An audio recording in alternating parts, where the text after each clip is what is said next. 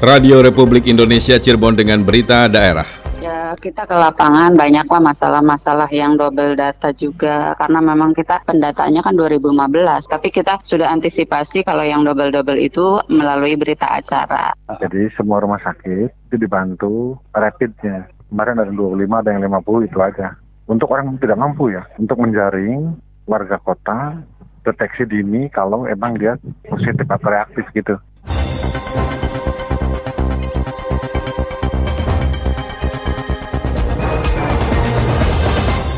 Permasalahan data dalam penyaluran bantuan sosial menjadi PR dan bahan evaluasi Dinas Sosial Kabupaten Cirebon. Seluruh rumah sakit yang ada di kota Cirebon sepakat melakukan rapid test dan swab test kepada pasiennya. Bersama saya Muhammad Subhan inilah berita daerah selengkapnya.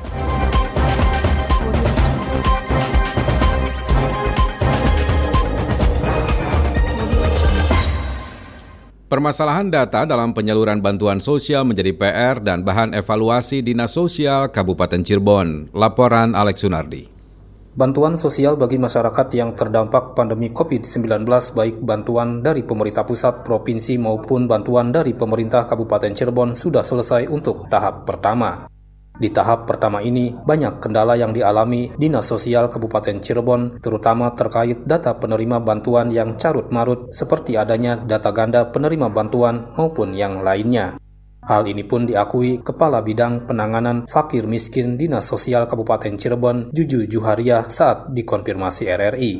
Menurutnya, permasalahan carut-marut data di tahap pertama menjadi PR dan bahan evaluasi bagi dinas sosial selain juga proses pembagiannya karena masih banyak yang mengabaikan protokol kesehatan. Ya, kita ke lapangan banyaklah masalah-masalah yang double data juga karena memang kita pendataannya kan 2015, tapi kita sudah antisipasi kalau yang double-double itu melalui berita acara. Cuman kadang-kadang masyarakat kan tidak sabar, ketakutan tidak kebagian mungkin ya. Juju Juharia menambahkan untuk bansos tahap kedua baik dari pemerintah pusat, provinsi maupun pemerintah Kabupaten Cirebon saat ini masih berlangsung dan berharap tidak ada kendala seperti di tahap pertama. Masyarakat penerima bantuan pun diminta untuk tetap memperhatikan dan menerapkan protokol kesehatan yang dianjurkan pemerintah sehingga bisa tetap aman dari penularan virus COVID-19. Alex Sunardi melaporkan. Berikut komentar masyarakat mengenai bantuan sosial COVID-19 yang berhasil kami himpun. Menurut pandangan saya, bantuan dari pemerintah mengenai dampak pandemi COVID-19 belum bisa dirasakan langsung sama masyarakat. Karena di beberapa daerah banyak yang belum merasakan sentuhannya langsung bantuan tersebut. Baik berupa sembako maupun berbentuk uang. Ya di daerah saya sendiri aja di daerah Pleret masih banyak yang belum mendapatkan bantuan tersebut tentang pembagian bansos bagi masyarakat akibat pandemi COVID-19 dari pusat sudah bagus sampai ke provinsi ke kabupaten sama daerah itu semua kembali kepada kepala desanya. Memang kalau kita tinjau dari kepala desanya ada yang kepala desanya yang mindsetnya dan skill kerjanya bagus tentu warganya juga pembagiannya itu tepat sasaran tapi bagi kepala desanya misalnya yang masih kurang dalam hal mindset, cara berpikir, tentu masih banyak warganya yang dilihat kepentingan kepala desanya sehingga ada beberapa daerah juga yang memang bermasalah. Bansos terkait pandemi COVID-19 di masyarakat itu belum sesuai harapan dan kebanyakan itu masih tidak sesuai. Artinya data yang dimiliki oleh Kemensos maupun dari Pemda atau Bupati itu data yang dipergunakan itu sangat tidak sesuai dan terkesan malah sangat tidak tepat sasaran.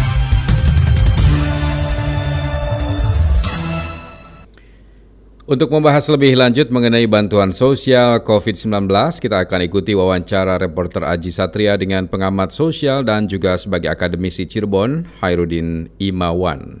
Assalamualaikum warahmatullahi wabarakatuh, Pak Hairudin Imawan. Waalaikumsalam warahmatullahi wabarakatuh. Ya, Pak Herwin Imawan yang merupakan pengamat sosial dan juga akademisi di wilayah Cirebon ini melihat bantuan sosial yang diberikan pemerintah bansos untuk masyarakat yang tidak mampu atau membutuhkan di masa pandemi COVID-19 dan menuju new normal di beberapa daerah. Ini seharusnya seperti apa nih, Pak Hai? Silakan. Ya, implementasi bantuan sosial bansos COVID-19 ini idealnya harus berjalan on the track ya sehingga harus diurai sistem cara kerja hingga bantuan sosial tersebut sampai ke masyarakat. Yang pertama, beri pemahaman kepada masyarakat bahwa skema bantuan itu bermacam-macam ya. Ada bantuan PKH, program keluarga harapan, ada kartu prakerja ya.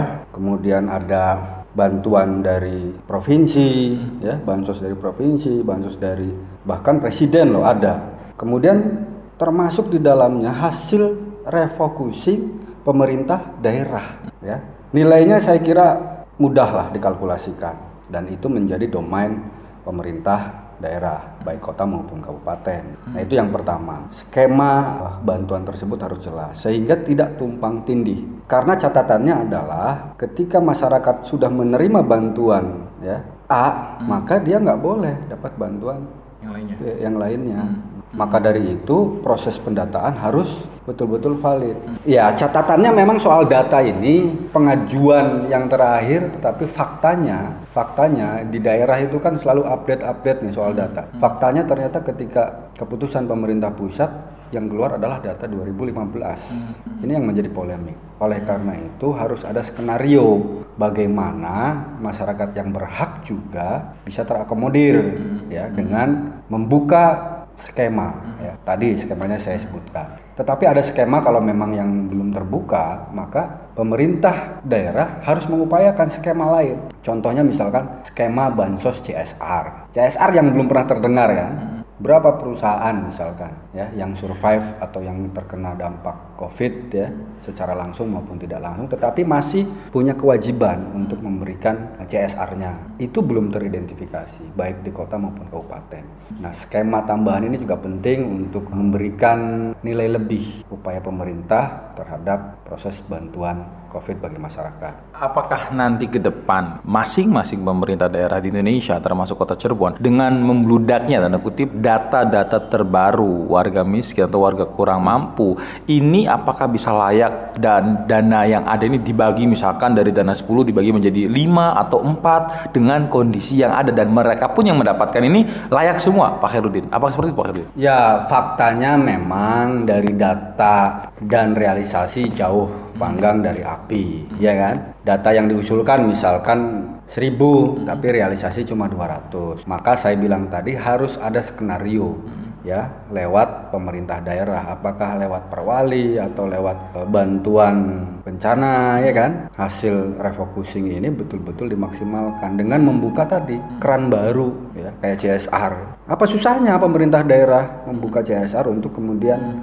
dialokasikan bagi bantuan sosial. Agar apa? Agar masyarakat yang membutuhkan juga tercover hmm. ya. Nah, ada beberapa kalangan yang berpendapat bahwa bansos ini baik dari pemerintah pusat presiden provinsi kemudian pemkap pemkot dan lainnya ini sampai akhir tahun. Apakah setuju Pak Herudin dengan opsi seperti itu?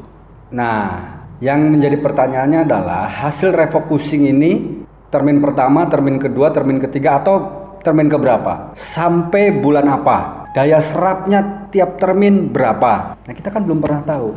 Nah, oleh karena itu refocusing anggaran masing-masing SKPD atau dinas juga harus secara transparan sehingga bisa dikalkulasikan berapa termin pertama, berapa termin kedua ya kan.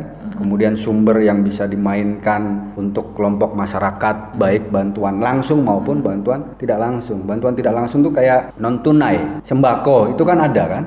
Nah, ini juga harus diperhitungkan secara cermat Jangan sampai yang sudah mendapatkan sembako ya non tunai ini kemudian dapat juga tunai.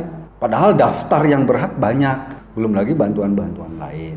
Nah, skema ini saya kira penting diurai untuk mengurangi ya resistensi masyarakat. Bayangkan kalau setiap kelurahan pengajuannya 400 500 tapi realisasi cuma 50 orang. Hmm. Itu yang menjadi ujung tombak tingkat RT, tingkat RW yang pusing.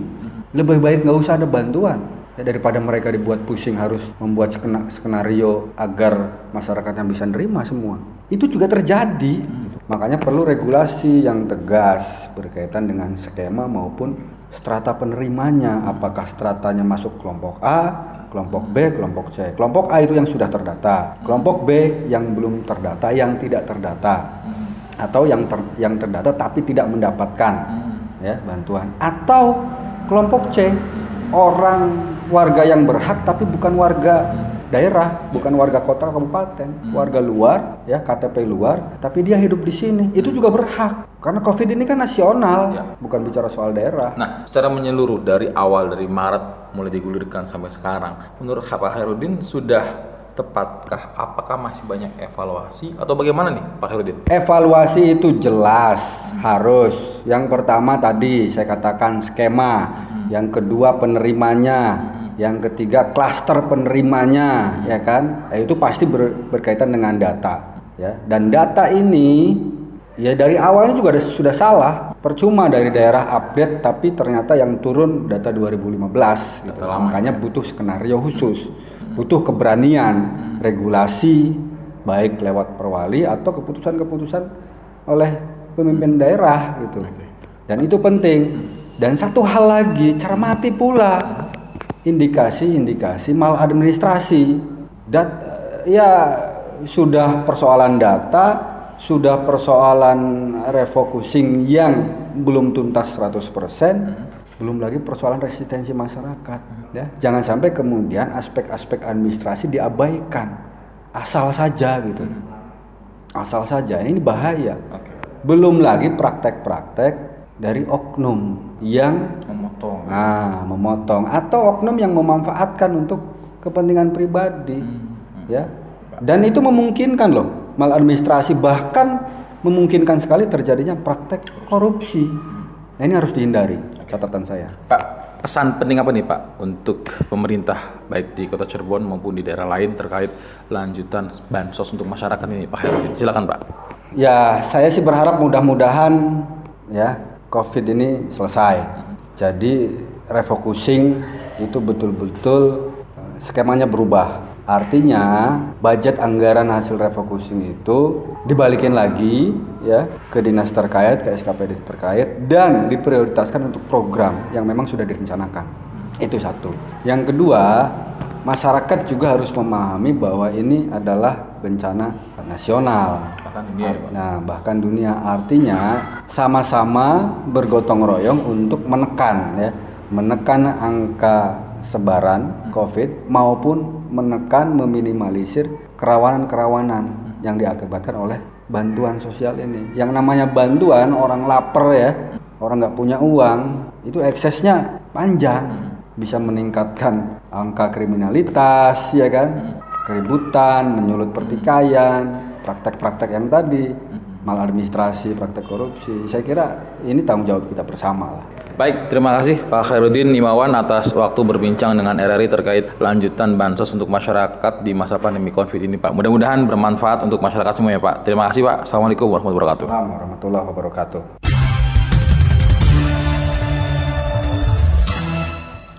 Kota Cirebon yang dikenal kental dengan keregiliusannya karena erat kaitannya dengan sejarah penyebaran Islam di Jawa Barat tidak terlepas dari masalah penyalahgunaan narkoba. Usia produktif merupakan jumlah terbanyak pengguna narkoba dengan beragam jenis, mulai dari obat-obatan terlarang, tanpa izin edar hingga sabu-sabu. Pemerintah Kota Cirebon dan BNN Kota Cirebon memerangi narkoba mulai dari tingkat desa dengan program Desa Bersih Narkoba Bersinar. Kepala BNN Kota Cirebon AKBP Yaya Satya mengatakan, selama satu tahun terakhir telah menangani 88 kasus penyalahgunaan narkoba dan 30 kasus psikotropika. BNN terus berlomba dengan laju peredaran narkoba, mencegah dan menyelamatkan anak bangsa dari narkoba. Selama satu tahun ini, kebanyakan para pemakai berawal dari rekreasi atau coba-coba hingga kecanduan. Jangan pernah sekali-kali mencoba karena merupakan kejahatan luar biasa yang mengakibatkan korban jiwa dan materi. Setiap tahun rata-rata kehilangan anak bangsa yang tidak sedikit, padahal generasi muda merupakan pemegang tongkat estafet kemajuan bangsa Indonesia. Seluruh elemen baik dari unsur pemerintahan maupun masyarakat harus menyatakan komitmennya untuk mencegah peredaran gelap narkoba.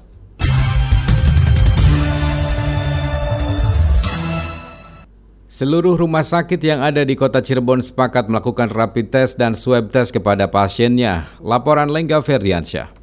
Setiap pasien yang masuk ke rumah sakit wajib menjalani swab test atau rapid test. Swab dan rapid test dilakukan khusus untuk kategori pasien yang dicuriga memiliki gejala-gejala terinfeksi COVID-19. Penerapan itu pun sesuai kesepakatan seluruh rumah sakit di kota Cirebon. Demikian dikatakan Kepala Dinas Kesehatan Kota Cirebon, Dr. Edi Sugiarto MKes kepada RRI. Dikatakan Edi Sugiarto, swab test dan rapid test akan diberikan kepada pasien kategori masyarakat tidak mampu. Tujuan swab dan rapid test pasien merupakan upaya mempermudah proses tes sekaligus mempercepat dalam memutus mata rantai penyebaran COVID-19. Jadi semua rumah sakit itu dibantu rapidnya. Kemarin ada 25, ada yang 50 itu aja untuk orang yang tidak mampu ya, untuk menjaring warga kota deteksi dini kalau emang dia positif atau reaktif gitu. Pasien biasa yang diprediksi katakanlah berisiko boleh direpit, tapi hmm. biasanya protap rumah sakit masing-masing.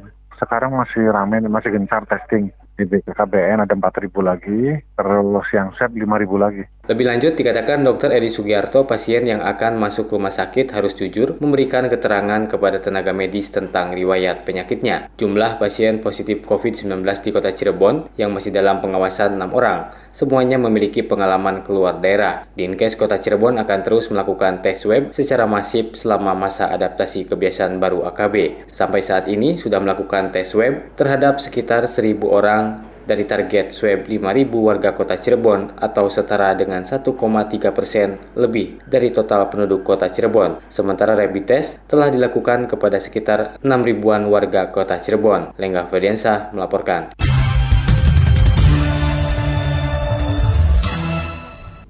Anggota TNI Kodim 0614 Kota Cirebon bekerja sama dengan Kelurahan Pekalipan membina puluhan warga di Kelurahan Pekalipan Kota Cirebon melalui pelatihan membuat lampu hias berbahan bahan berbahan barang bekas. Pelatihan diikuti oleh korban PHK akibat terdampak COVID-19 serta warga yang belum memiliki pekerjaan tetap.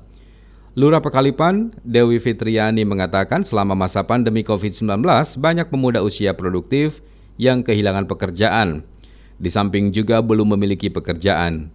Selain memperdayakan masyarakat agar mampu mandiri secara ekonomi, pelatihan juga untuk meningkatkan kreativitas anak muda. Guna mendukung program pemerintah membentuk kampung wisata di RW 10 Kanoman Utara. Produksi lampu hiasnya diharapkan dapat menjadi salah satu produk unggulan dan cindera mata bagi wisatawan. Sementara Babinsa Kelurahan Pekalipan Koramil 1402 Cirebon Selatan, Serda Anur Hanafi mengatakan agar ke depan peserta pelatihan dapat diterima di dunia kerja atau membuka lapangan pekerjaan sendiri. Pelatihan diselenggarakan bekerjasama dengan Sanggar RK Sanga, diikuti 24 orang dan tetap menjalankan protokol kesehatan pencegahan COVID-19.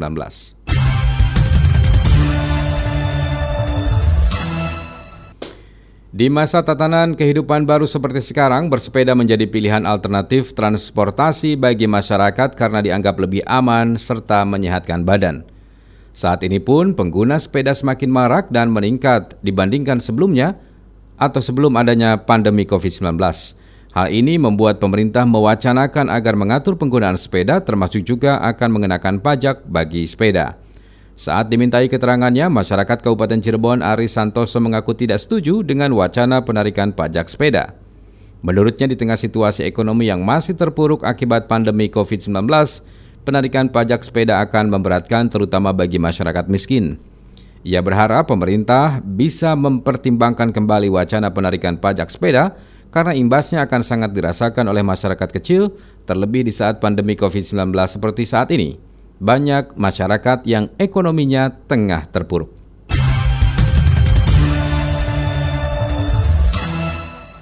Sekian berita daerah dan selamat pagi. Demikian rangkaian berita aktual pagi ini dalam Buletin Berita Daerah Radio Republik Indonesia Cirebon.